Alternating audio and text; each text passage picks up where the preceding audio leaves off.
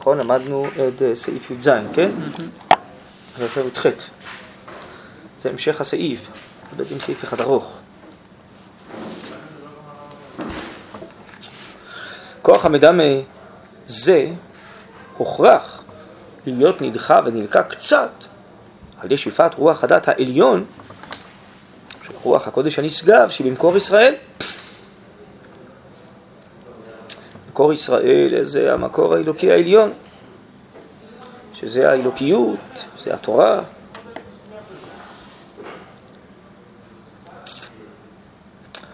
כן, אנחנו עסקנו פעם בפסקה הזאת בתחילת אה, ארץ ישראל, שיש מעיין ויש מקור, נכון? כן. אז המעיין זה בעצם נשמת כנסת ישראל, והמקור זה האלוקות והתורה. זה מופיע, הביטויים האלה, בסעיף ג' באורות ארץ ישראל.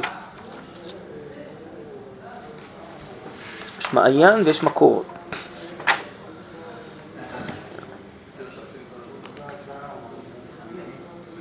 אז המקור זה כמו האידאה האלוקית והאידאה הלאומית. המקור זה האידאה האלוקית והמעיין זה האידאה הלאומית.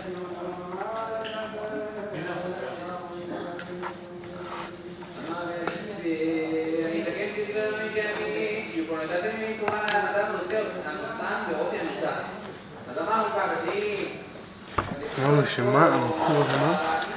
זה האידאה האלוקית, כן. והמעיין שיונק מהמקור הזה זה האידאה הלאומית.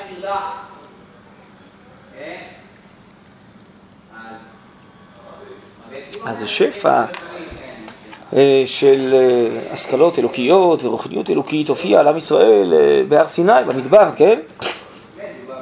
זה נקרא שאיפת רוח הדעת העליון של רוח הקודש, הנשגב שבמקור ישראל. שהוכרח להקדים ולבוא לעולם, מפני שלא יוכל העולם להתקיים עד אלף דור, בלא אור תורה. כן, אז... אה, שמעיקר התורה הייתה אמורה להופיע אחרי אלף דור, ובסוף הקדוש ברוך הוא הקדים והופיע אחרי 26 דורות.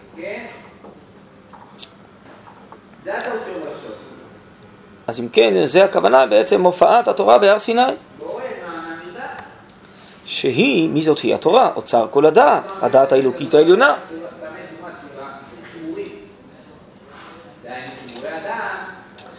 אז כשמופיע שפע כזה של השכלה, אז הוא דוחה עכשיו את כל שאר הכוחות, את הדמיון והרגש וכולי, כי כוח הדעת מופיע בעולם, מופיע באומה, וממילא גם מופיע בנפשות הפרטיות. ובכלל במציאות, הנושא המרכזי הוא השכלת התורה. שמופיע כוח דת בעולם? כן, כן. העולם היה תוהו ובוהו, נקרא בלי אור הדעת, בלי אור האמת. למה זה נקרא תוהו ובוהו? למה זה נקרא אלפיים דתוהו, אלפיים של חושך? כי היה הרבה דמיונות של עובדי עבודה זרה, חיפשו את האלים וכן הלאה, נכון? ואז פתאום מופיעה האמת האלוקית. האמיתות האלוקיות, המגמות האלוקיות הופיעו ומילאו את העולם באור האמת, באור התורה, כן? זה אחרי אה, אלפיים של תוהו אה, מתחיל להופיע האור, אור הדת. ויהי אור שהבריאה עכשיו מתחיל להופיע בגלוי. אז כוח השכלה דוחה את התוהו בעצם, את הדמיונות של העבודה זרה. כן, זהו. אז ממילא כוח הדמיון הוכרח להיות נחלש במדבר ובאותם דורות. משום שעכשיו הנושא הוא הדעת, ממילא זה שפע רוחני מופשט. ובאמת אה, במדבר, שזה מין גלות, אז שם עם ישראל בעיקר למד תורה והתנבא ועסק במושכלות האלוקיות. דיברנו על זה בפסקה הקודמת, שכוח המדמה שקשור לחושים, הוא בונה את הכלים של הופעת החיים הגלויה. נכון, אסתטיקה ויופי וכל מיני מערכות וזה, זה תורה נאה בכלים נאים. מה שלאחר מכן יופיע גם בבית המקדש, יופי וכן הלאה, שזה כבר כלי נאה להופעת הדעת, כן? ככה הגר"א הרי מסביר, שקר החן והבל היופי, אישה יראת השם, היא תתעלל בכנו ביופי. למה מתאים? כן, מכיוון שהיא מלאה הכרה אמונית של יראת שמיים, אז ממילא עכשיו אפשר אה, להופיע את זה בכלים של חן ויופי. כן?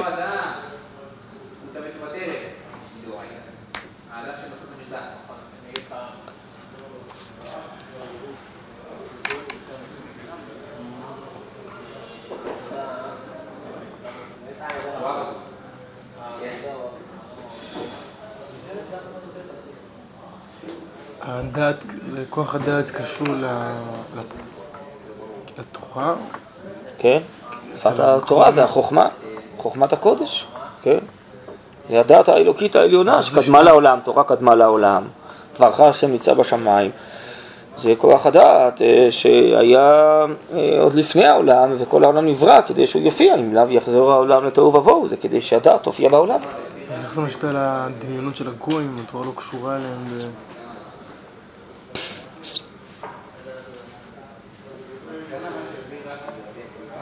למה אתה חושב רק גויים? התורה ניתנה לישראל. כן. כוח הדת ישראל. כן, נכון, ועם ישראל אה, אמור את זה להשפיע על כל האומות וכל הברואים, לא? כשבית המקדש שבנה שלמה, אז הדעת של האמונה האלוקית הופיעה והתפשטה גם על פני שאר העמים, לא? בשביל מה תורה ניתנת לעולם? רק בשביל עם ישראל וכל הגויים ימשיכו לחיות בדמיונות?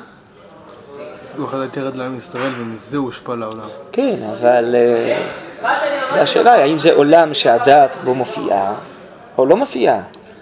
אתה חושב שהכל מתחיל רק מההשפעה הישירה על איזה נפשות פרטיות? השאלה היא מה מלא חלל העולם. רוחניות זה, זה לא מתחיל רק מזה שמישהו למד אותה. השאלה אם הרוחניות מופיעה במרכז חלל העולם או לא. עוד לפני האדם הפרטי. בעצם זה שהכוח של דת לעולם זה השפיע על כלל העולם. ברור. מדרגת חיים שלנו. הרב הרי דיבר על שיש הערה שכלית, היא מעדנת, היא מזככת, נכון? באמצע סעיף אה, י"ז. בשכל, לא? הרב דיבר על תהליכים עולמיים בכלל, לא רק בעם ישראל, שבתקופה שלנו הפילוסופיה והמחשבה לא נחשבת, והדמיון גובר, וזה גורם שחוצפה יסגה, נכון? זה תהליכים שקשורים לכל האנושות, לכל הבורים, זה לא רק עם ישראל. הרב כתב את זה מפורש בעמוד ל"ה, בסוף שורה רביעית, כפי אותה מידה נוהגת בעולם בכלל לא, נוהגת דבר בישראל כלפי רוח הקודש ואהבת התורה ברוח פנימי ורעננות עצמית של עדות הנאמנה. אז אנחנו נמצאים ב... כחלק מן הברואים של הבריאה כולה. אז נכון שאנחנו מרכז הבריאה וכן הלאה, אבל יש תהליכים גדולים שקשורים לבריאה בכללה. כשחז"ל אמרו אלפיים דתוהו, לא אמרו אלפיים דתוהו רק בחיי עם ישראל, נכון? דיברו על כלל הבריאה. שהעולם היה מגשש באפלה, והנה הגיע אברהם אבינו והתחיל ללמד את כולם, גם את הגויים התחיל ללמד, נכון? לא רק את זרע הסגולה שיצא ממנו, ללמד את כולם, כן? ונדיבי עמים נאספו, המלוקי אברהם, שעם ישראל אחרי זה צריך לאסוף, ויעשו כולם אגודה אחת, להמשיך את המהלך של אברהם אבינו, נכון? אז הוא מביא את דעת השם לעולם, לא רק בשביל עצמו ובשביל עם ישראל. בשביל כל האנושות, בשביל כל הברואים, בשביל התעלות העולם. זה תהליך כללי. בסדר? ברוך אתה אדוני אלוהינו מלך העולם שהכל נהיה בדברו. הוא מתבטא בזה שהופיעו אה, אנשים עם מחשבות חדשות. מורידים מחשבות לעולם. העולם עכשיו, חלל העולם מתמלא במחשבות. כן, זה עולם אחר. כן? כן? כן, זה גמרא מפורשת בבבא בתרא י"ב עמוד ב', הגמרא אומרת שמה ששמואל אמר איזה חידוש, אז הגמרא אומרת, אבל אה, זה כבר נאמר לפניו, באחד התנאים, אז הגמרא אומרת, כן, אחרי שאחד, אני אומר את זה בלשוני, אחרי שאחד התנאים אה, אמר את זה, אז כבר שמואל בדורות של החמי, זה גם כן אה, מעצמו אמר את אותם דברים, כי הם כבר נמצאים בחלל העולם. כן, יש דברים כאלה.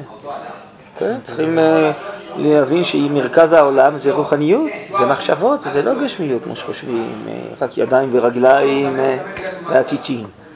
מרכז העולם זה שפע של השכלות ורוחניות, אז מה אם לא רואים את זה בחושים? זה מרכז הבריאה, השאלה היא מה מופיע במרכז החיים, במרכז הברואים. מה זה מרכז העולם? מרכז העולם, כן, חלל העולם, זה העולם זה עולם מלשון מעלים, מה, אתה חושב שהעולם זה רק הגשמיות? יש בעולם זרמים של מגמות אלוקיות, יש השגחה אלוקית, לא, יש אמת אלוקית, ואחר השם ניצב בשמיים. העולם זה מציאות, אתה חושב שהעולם זה רק המציאות הגשמית שרואים? רק המחשבות נמצאות בתוך הראש של האדם, בתוך הקופסה הזאת?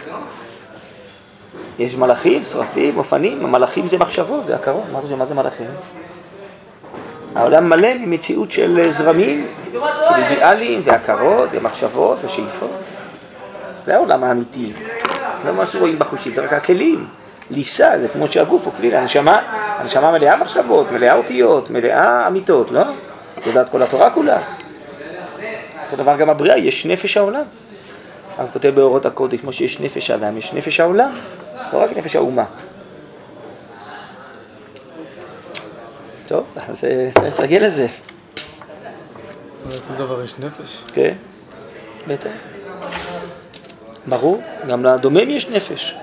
ודאי למציאות בכללה יש נפש עולמית. כן? זה גמרא בברכות. אני חמישה ברכי נפשי. כמו שהקדוש ברוך הוא רואה ואינו נראה, ככה נשמה רואה ואינו נראית. כמו שהוא זן ומכלכל את הגוף, ככה נשמה. חמש הקבלות בין האלוקיות שממלאת את העולם לבין הנשמה שממלאת את הגוף. אני חמישה ברכי נפשי, למה חמש פעמים הוא אמר בק"ד ברכי נפשי את השם, כן? בטח, זה נקרא דעת אלוקים, הרב אומר באורות התחייה א', להכיר את המגע בין האלוקיות לבין העולם כל הזמן. זה כל ספר הכוזרי סובב סביב זה, זה העניין האלוקי. שהמציאות מלאה במציאות אלוקית, בעניין אלוקי. זה אמונה, ההכרה הזאת, זה אמונה, זה מה הכוזרי בא לפתוח את עינינו.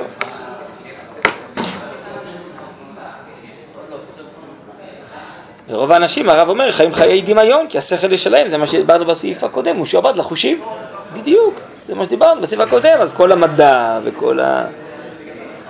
כל השכל מרוכז רק במה שהחושים קלטו. השכל לא יודע שיש לו המון מה לחשוב במה שהחושים לא קלטו, כי זה עיקר מה שצריך לחשוב. כן? מה שעסקנו, שהזכרתי שהמדענים בלבלו אותנו וקראו לזה דעת. הדעת האלוקית, זה הדעת האלוקיות, זה הדעת האמיתית, שזה נוצרה הדעת. כן. איך בן אדם יכול להתפתח לדבר כזה? רק על ידי תורה. זה ידיעות שמגיעות מהנבואה. מה? יש מחזה של ברזל שזה כוח המדמה שמפריד בינינו לבין ההסכם. מה זה כוח המדמה? כוח המדמה הכוונה היא שהוא לא מספיק מזוכח כדי להתאחד עם כל ההשכלה הזאת, נכון? לכן הרב אומר, אנחנו בגלות כמעט אלפיים שנה רק למדנו תורה. ולא התפתחו כל הצדדים הגופניים והאסתטיקה והיופי וזיכוך כל הכלים. לכן לא עסקו בזה בגלות, רק עסקו בלימוד תורה. עכשיו, בעידן הגאולה צריך לזכך גם את הכלים. זה נקרא כוח המדם, זה מכיסת ברזל. כשכוח המדם יהיה מזוכח, אז התוכן יופיע גם בכלים, הם לא יפצצו. כמו בבית המקדש, כל הכלים הנעים והיופי של בית המקדש, רק עזר להופעה האלוקית, לא חסם אותה. כן, נכון? זה נקרא מחיצת ברזל, שהמידע הוא גס. זה בדיוק מה שהרב כותב פה, שהפילוסופיה מסתלקת, ומה שהכל זה גסות של חושים ודמיונות ו... לפי זה כוח המדמה זה בעצם, מה זה? כוח המדמה... מה שאמרנו שזה מרכיב ומחבר. נכון. עכשיו לפי זה נשמע שזה לא רק מרכיב ומחבר. למה לא? בכל הגלות לא הרכבנו וחיברנו? המציאות... הרכבנו וחיברנו מה? מרכיב ומחבר את מה שהחושים תופסים, כדי ליצור כלים ראויים לתוכן. אה, זה התחום שהוא התעסק בזה. כן. אם אתה רוצה על זה קצת, אתה יכול לקרוא, יש על זה מלבים, על של נעליך, משה רבינו, שם בסנה, הוא מסביר שזה אחד התפקידים של כוח המדמה, ועל זה בנויה הפסקה הראשונה, בעין היה בסנדל המסומר, היא בנויה על המלבים הזה. כוח המדמה הוא כמו איזה סנדל שמכיל את כל ההופעה הרוחנית שממלאת אותו.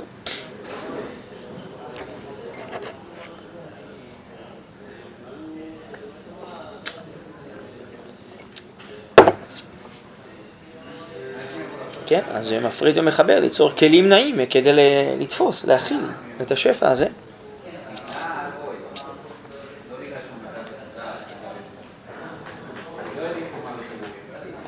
אז כשהיינו במדבר, אז כוח המדמה בעצם נחלש, כי הוא פינה מקום עכשיו להופעת הדת שתופיע בעולם, וזה לא היה הנושא במדבר לבנות את המדמה. אז זה נדחק הצידה, הוא נשאר, אבל הנבואה של המדבר זה נבואת אספקלריה המהירה של משה רבינו. הנבואה הזאת היא, אה, היא הנבואה של השכליות הכי עליונה שלא זקוקה לכוח המדמה להסברתה, כמו שאר הנביאים, שהיו צריכים לדמות את התכנים לכל מיני מציאויות בעולם הזה. מקל שקט, ציר נפוח, כן? כי בעצם כשהראו לנביא את הציור הגשמי, אז היא הסביר לו את התובנות הרוחניות שהוא קיבל בדעת העליונה. שרבנו זה עצם השכל מופיע ללא צורך לצייר ציורים אה, מעשיים מן העולם הזה. הציורים המעשיים זה כוח המדמה, הוא לוקח כל מיני אלמנטים ומחבר אותם ויוצר ציור. אז נבואת המדבר היא אספקלריה מהירה בלי כוח המדמה, או ששם המדמה כל כך זך, הוא מתאחד עם השכל. או זכוכית שקופה, הרמב"ם אומר פרק שביעי של שמונה פרקים. כל האור של הדעת מאיר דרך הזכוכית הזאת.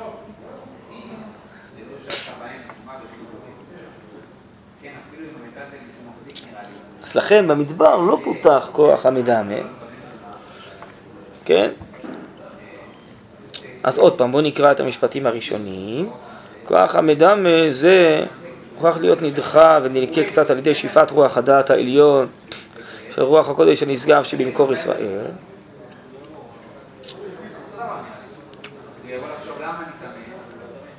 שהוכרח להקדים ולבוא עליו, פני שלא יוכל העולם להתקיים עד אלף דור בלא אור תורה, שיוצר כל הדעת. מכל מקום יסודו היסודי נשאר בישראל. כוח המדמה זה היסוד שעל זה הכל בנוי, זה הכלי שמכיל את כל המציאות.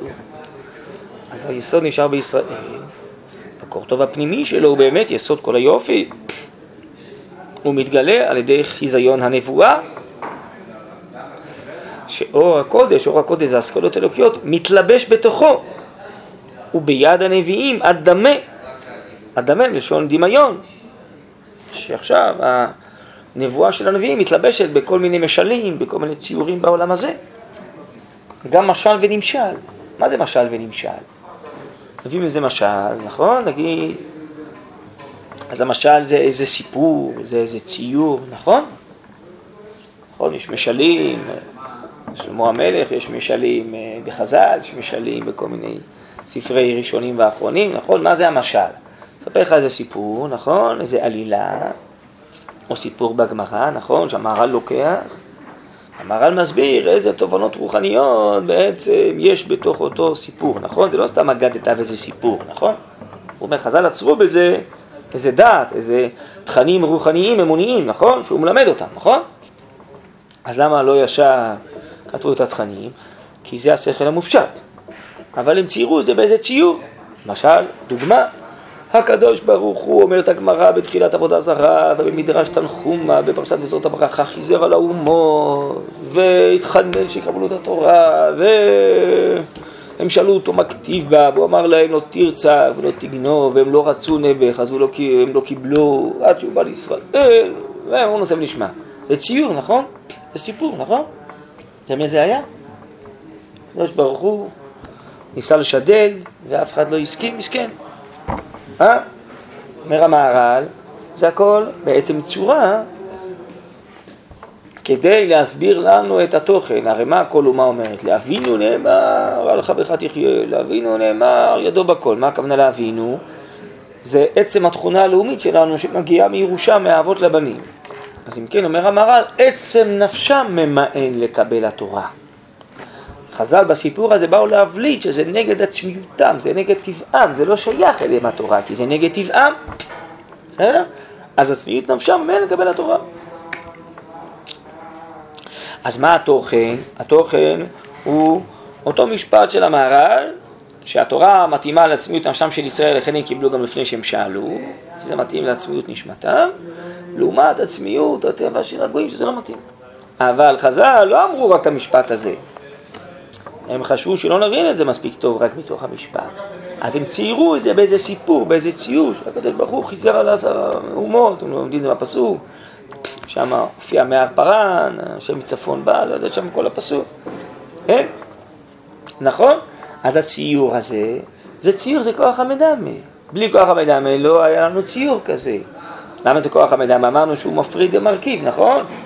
אז שם יש את כל הכיוונים, שמצפון בא, ואתה מרבבות קודש, וזה, היא באי בצפון, היא באי בתימן. לא, הוא הלך מפה לשם, מפה לשם, הוא דיבר עם זה, הוא דיבר עם זה, הוא שאל את השאלה, הם ענו לו תשובה, נכון? אתה מחבר את כל הפרטים האלו, יוצא לך סיפור, נכון? הסיפור הזה זה משל. זה בית יד לאחוז את הנמשל, נכון? מה הנמשל? הנמשל הוא התוכן הרוחני, המחשבתי, היוצא מן הסיפור הזה, לדעת שפה יש טבע ישראלי שמתאים, מותאם לתורה, שישראל ואורייתא זה דבר אחד, וטבע של הגויים שהוא מנוגד לתורה, נכון? זה כי האנשים מסוגלים להבין, זה הנקודה? לא מסוגלים להבין לכן צריך... נכון, כי אנחנו חיים טבולים בתוך החוש והמדמה, זה שער להשם צדיקים יבואו בו, דרך חוש והמדמה אנחנו ניפתח להשכלה. ככה סדר. אם אדם לא מצליח להבין, כי המחשבה שלו מעוותת.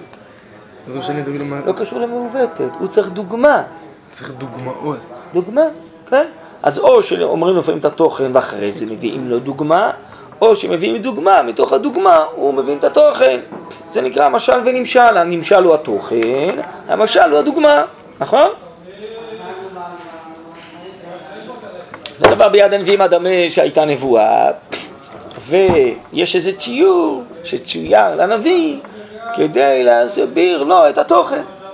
או שלפעמים, אה, יש בראשונים, באחרונים, לפעמים היה הפוך, שקודם היה דוגמה ואחרי זה התוכן, לפעמים, לא משנה.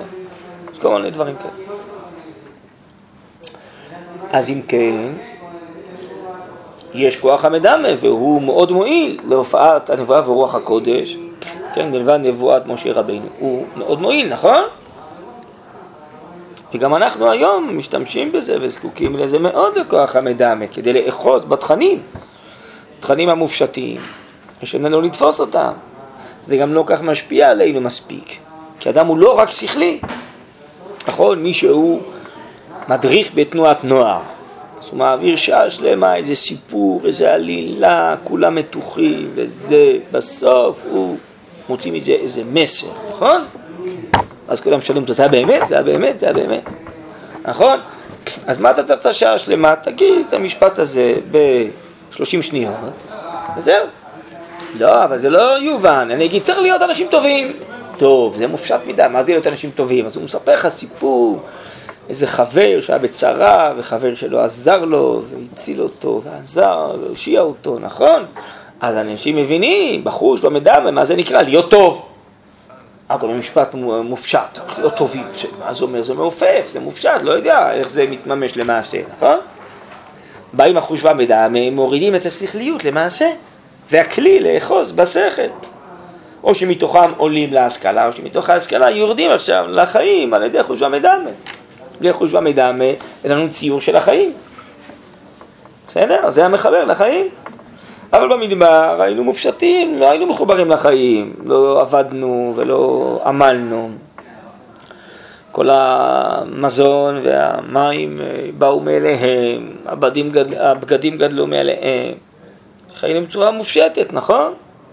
השכלות עליונות שאנחנו עסוקים בהן, בלי חיבור לחיים. אז לכן במדבר בייחוד. וגם uh, בראשית התקופות שלאחר מכן, אז הכוח המרכזי היה כוח השכל, כוח הדת, כוח התורה. המידע נחלש, הוא נשאר, אבל לא מפותח. כי לא היה צורך בו, ועכשיו הוא רק היה מפריע. עכשיו צריכים לאפשר לאמת האלוקית להופיע בצורה הכי טהורה, הכי עליונה, הכי מופשטת, מצד עצמה.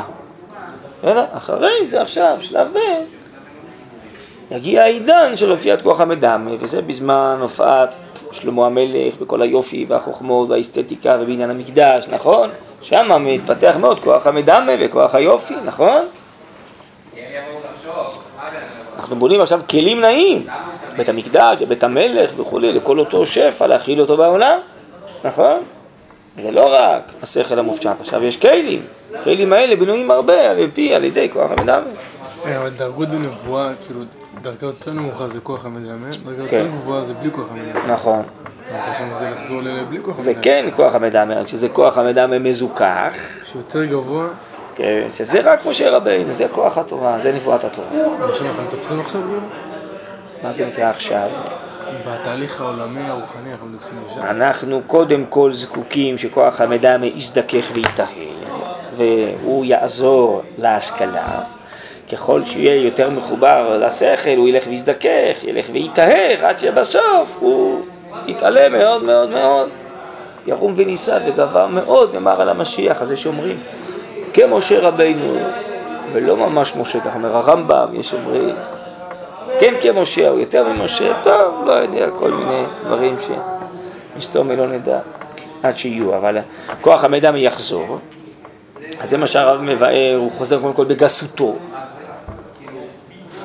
אז אל תיבהל, אמנם הוא חוזר בגסותו והוא נפרד מן התורה, אבל יש לו עניין לחזור ולהתעצם.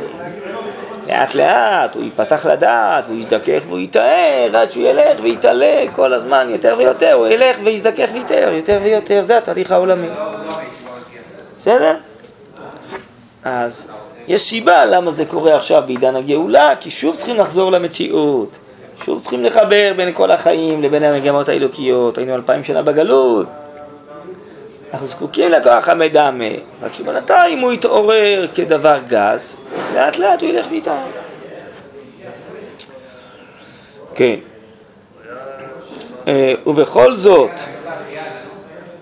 מונח גם בנבואה, הנבואת שער הנביאים, יסוד הצמצום של האספקלריה שאינה מצוחצחת, שצריכים לדמות את זה לדברים עולמיים, כן? זה נקרא אספקלריה שאינה מהירה, זה לא האור וההשכלה מצד עצמה, כן? זה כמו שיש זכוכית שקופה לגמרי, שכל האור עובר דרכה, ויש זכוכית,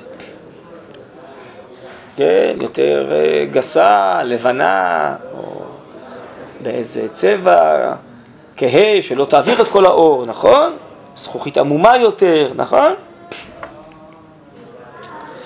ומפני זה קרובים אומות העולם לקלוט קצת מנערת הנבואה ורחוקות הן מן אור התורה. נכון?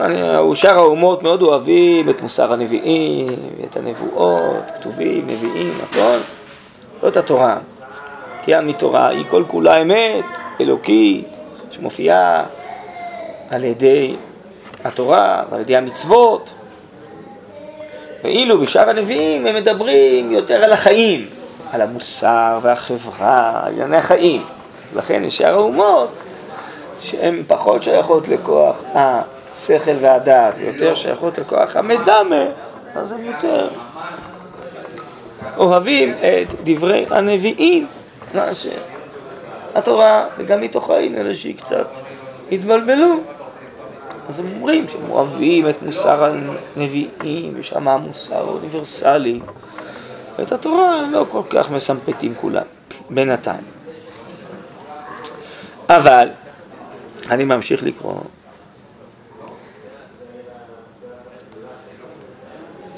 ליסוד ביסוסה הגשמי של האומה, ההתקשרות הארצית עם ארץ ישראל, והתרתקות האומה אל עצמותה וצמצום כוחה שלא יתפזר. כל זמן שאין העולם ראוי לאגד הכל בשכל העליון, שזה שכל התורה, מוכרחת תהיה חוכמת התא למלא את המקום. מה זה חוכמת התא? זה הכוונה לרוח הקודש, זה חוכמת שלמה, מדרגות שונות של נבואה ורוח הקודש, לא הערת התורה הצרופה. אשר המדמה הוא מלבישה הרבה. היא מבצרת מידת הדין בעולם. למה מידת הדין? משום שכל השפע צריך להיכנס לאיזה כלים עולמיים, מצומצמים, לא רק בשפע עצמו של החוכמה. על ידי ההתקשרות אל הקניינים הזמניים בחיי כל יחיד, ההתעניינות העמוקה של הכלל לחיי הרכוש והמשטר הממשלתי מצד עצמם.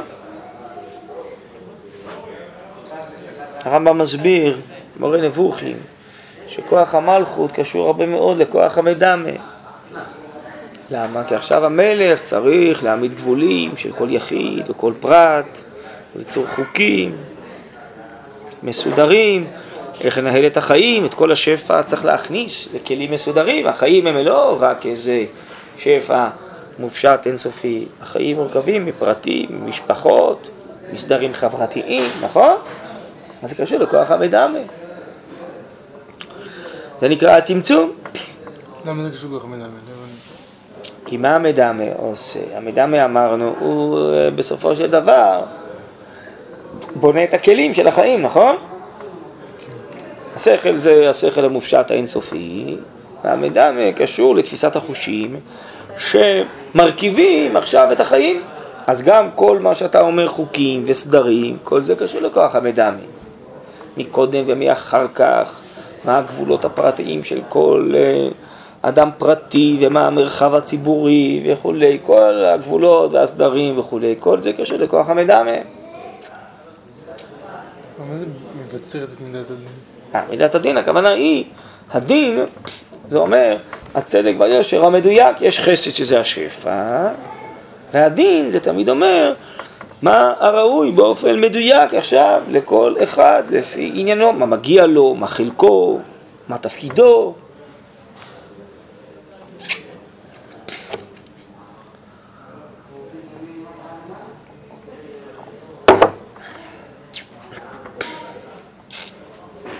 זה המלך, כוח המלכות, המלך הרי גם יכול לדון.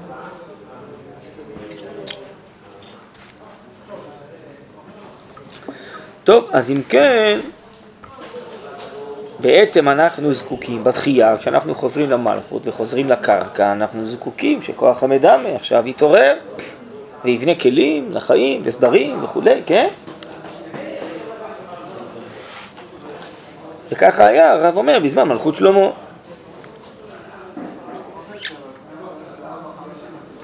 עכשיו הרב יבאר שזה מה שהיה בתחילת הכניסה ארצה, בזמן יהושע ואילך, שלא הגיע עדיין הזמן של כל התואר להופיע אלא מרומים המגמתיים, שזה כל התואר של הדעת האלוקית העליונה. נשלחו מאת יהושע שניים אנשים מרגלים חרש לרגל את הארץ ובאו לבית אישה זונה ושמה רחב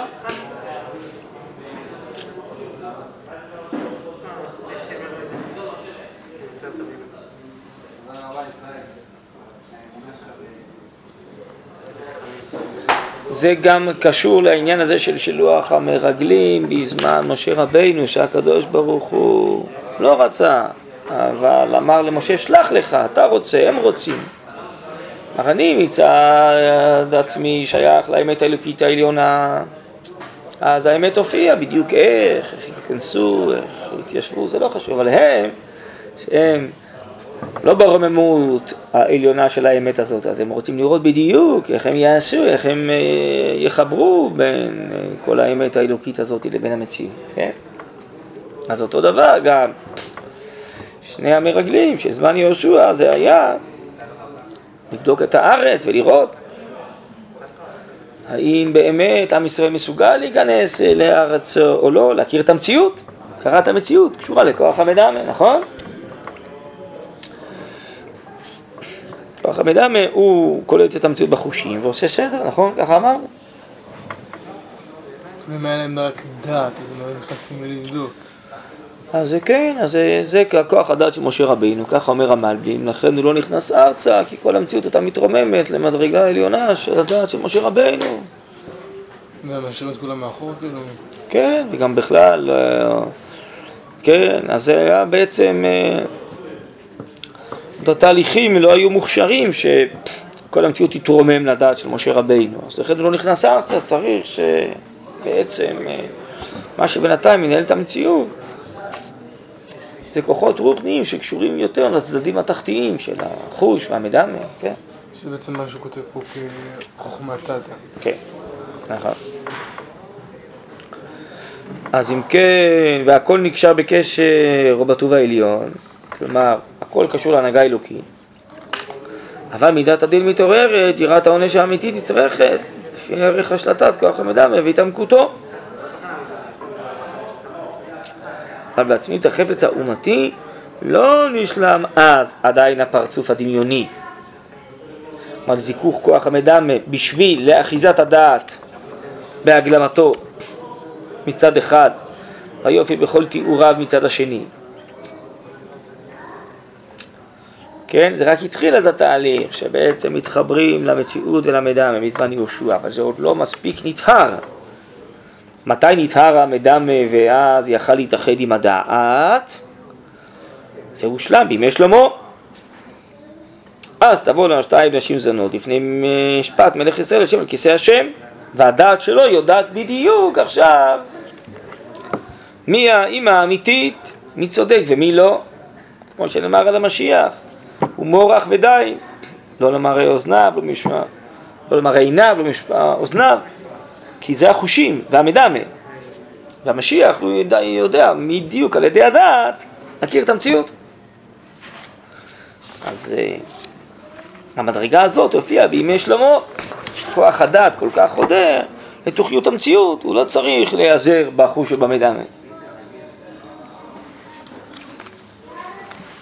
אמנם על ידי ההתערבות של אנשים מלכויות, שבעצם התגבר בסוף המדמה יותר מדי, האפיל על הדעת, עם חולשת הכוח לעכל דברים זרים, יצאה הרשעה שגרמה לייסוד קרע גדול של רומי. החיצוניות התגברה בעולם. בא גבריאל, נעץ קנה, ועליו נרבנה סרטון גדול של רומי. לא? כן. אז הוא רצה להעלות את כל האומות, וכל היופי, וכל המדמה, וכל הכוחות. אבל בסוף, זה עוד לא הצליח, העולם לא היה מוכשר. והמדמה וכל הכוחות והתרבויות השתלטו. ולכן ניטלה מלכות מישראל, וניתנה לרומי, וניתנה לכל העמים. עד עת כושר, שנחזור בגאולה השלמה ונרים שוב את כל הכוחות לדעת האלוקית העליונה, כן? אבל אז זה לא הצליח. היה ניסיון כזה שלא הצליח להעמיד את האומה ככה לנצח. וסינוני היסודות הוצרכו להעריך עידן ועידנים, לסנן את היסודות של המדמה, לזכך אותם, לתאר אותם. עד שנתגרש כוח המדמה משליטה רחבה בגבול ישראל, ויצרת עבודה זרה נעצר בדודו דאברה, ונחיס יצרה, זה הגמרא ביומא. שהמידע היה כל כך חזק, הוא גרם לאנשים לדמיין ולעבוד עבודות זרות, אז חז"ל התפללו שיבטל יצרת עבודה זרה. טוב, אז אבל אמרנו שכוח המדמה מסייע לנבואה, נכון? נכון? אז אם יצר עבודה זרה נחלש, אז גם הנבואה נחלשה. ולעומת זה אין עוד נביא לי מי איתנו. נכון? זה כנגד זה, לא? נכון. נשאר התורה, התורה היא נצחית. גם בתורה, בגלות, שלא הייתה נבואה, למדנו תורה. אבל הנבואה נחלשה. נו, ואמרנו שכל הקישור לארץ ולאומה ולכל הכלים והסדרים קשור לכוח המדמה.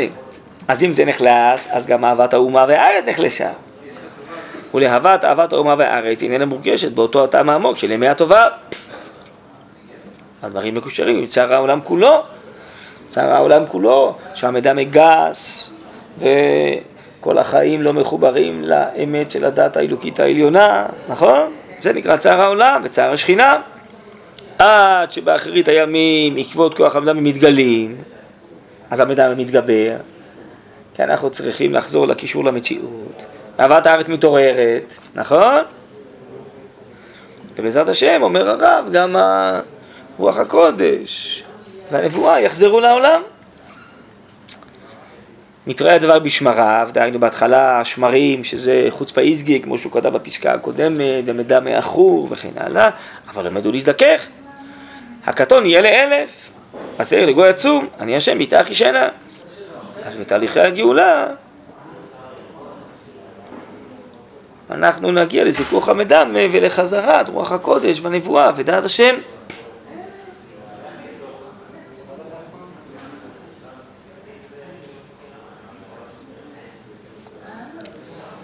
אנחנו בגלות שאין לנו רוח הקודש ונבואה, זה המון התורה, כן, של החכמים, השכל בלי החוש והמדמה.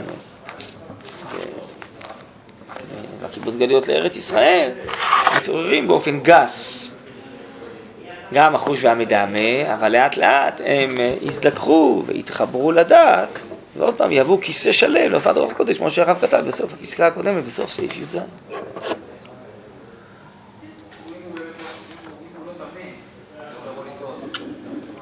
בסדר? טוב, אז כן, בסדר, זה הנושא הבא זה הרצון, אבל... אה, כאן זה היום שתי פסקאות שקשורות ל"ד. אבל למה דווקא דוד של עופרת? מה הקטע? למה, מה? דוד של עופרת. אה, לא יודע. אני לא יודע. זה אטום. כן. אטום? לא, יש לזה גם דברים אה, נסתרים, דווקא זה, לא לא בקיא בזה. זה מה שדיברנו, מה זה כן, הכוונה כן, של כוח נכון, ה... כן. טוב, אני נראה לי שבשבוע הבא אני לא אוכל להגיע, כי אני,